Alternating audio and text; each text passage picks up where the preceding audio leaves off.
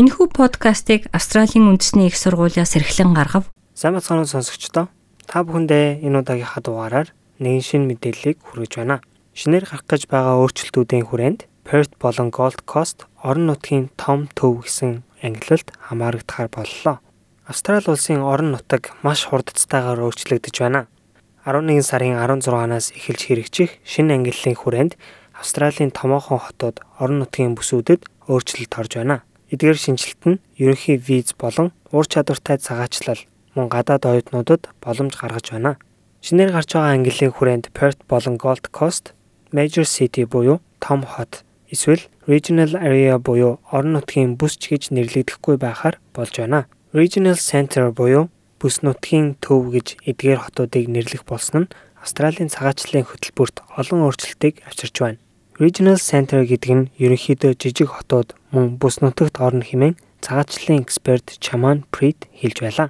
Эдгээр төвүүд нь боловсон хүчнээр дутаж байгаа. Regional Area гэдэг нь layman-ы нэршлэр том хотууд болон орон нутгийн төвөөс бусад бүх бүс нутгийг хэлнэ гэж байсан юм а.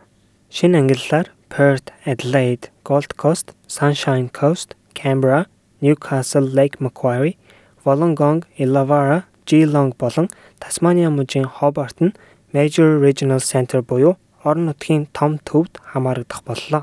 Өнгөрсөн амралтын өдрүүдээр дотоод хэргийн яамнаас гаргасан тайлбарын дагуу эдгээр ангиллууд цагаачлалыг хаашаа чиглүүлэх тал дээр маш их нөлөө үзүүлнэ гэж байсан юм а хот болон орон нутгийн том төв гэсэн ангиллалд орж байгаа газрууд 25 мянган цагаачтыг авах бөгөөд визний өргөдөл гаргагчдыг хамгийн түрүүнд авч үзэх юм а.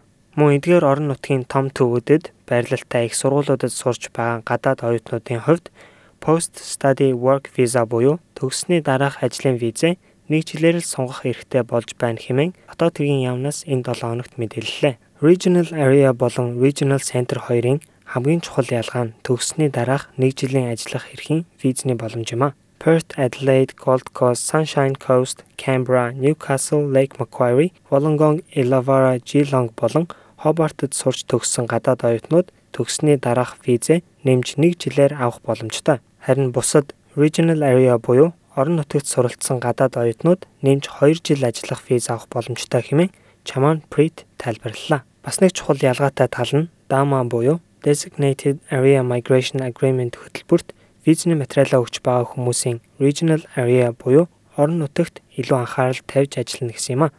Сидней, Мельбурн болон Брисбенээс бусад бүх бүс нутгууд Regional Occupation List буюу орон нутгийн хэрэгцээтэй мэрэгжилд хамрагдана. Үүнд арай олон мэрэгжил багтаж байгаа юм. Brisbane байрлах цагаачлалын албаны мэрэгжилтэн Suman Dua Perth болон Gold Coast-д одоо ажиллаж байгаа ур чадвартай виз авах хүсэлтэй хүмүүст маш эерэг өөрчлөлт болсон хэмээн хэлж байлаа. Маш олон том бизнесүүд Perth болон Gold Coast-д байрлалтай байдаг. Эдгээр компаниудад одоо ажиллаж байгаа ур чадвартай ажилчид байнгын оршин суух эрхээ авах илүү боломжтой болсон хэмээн Дуа нэмж хэллээ. Илүү сонирхолтой мэдээллээр дараагийн дугаараар уулзцаая.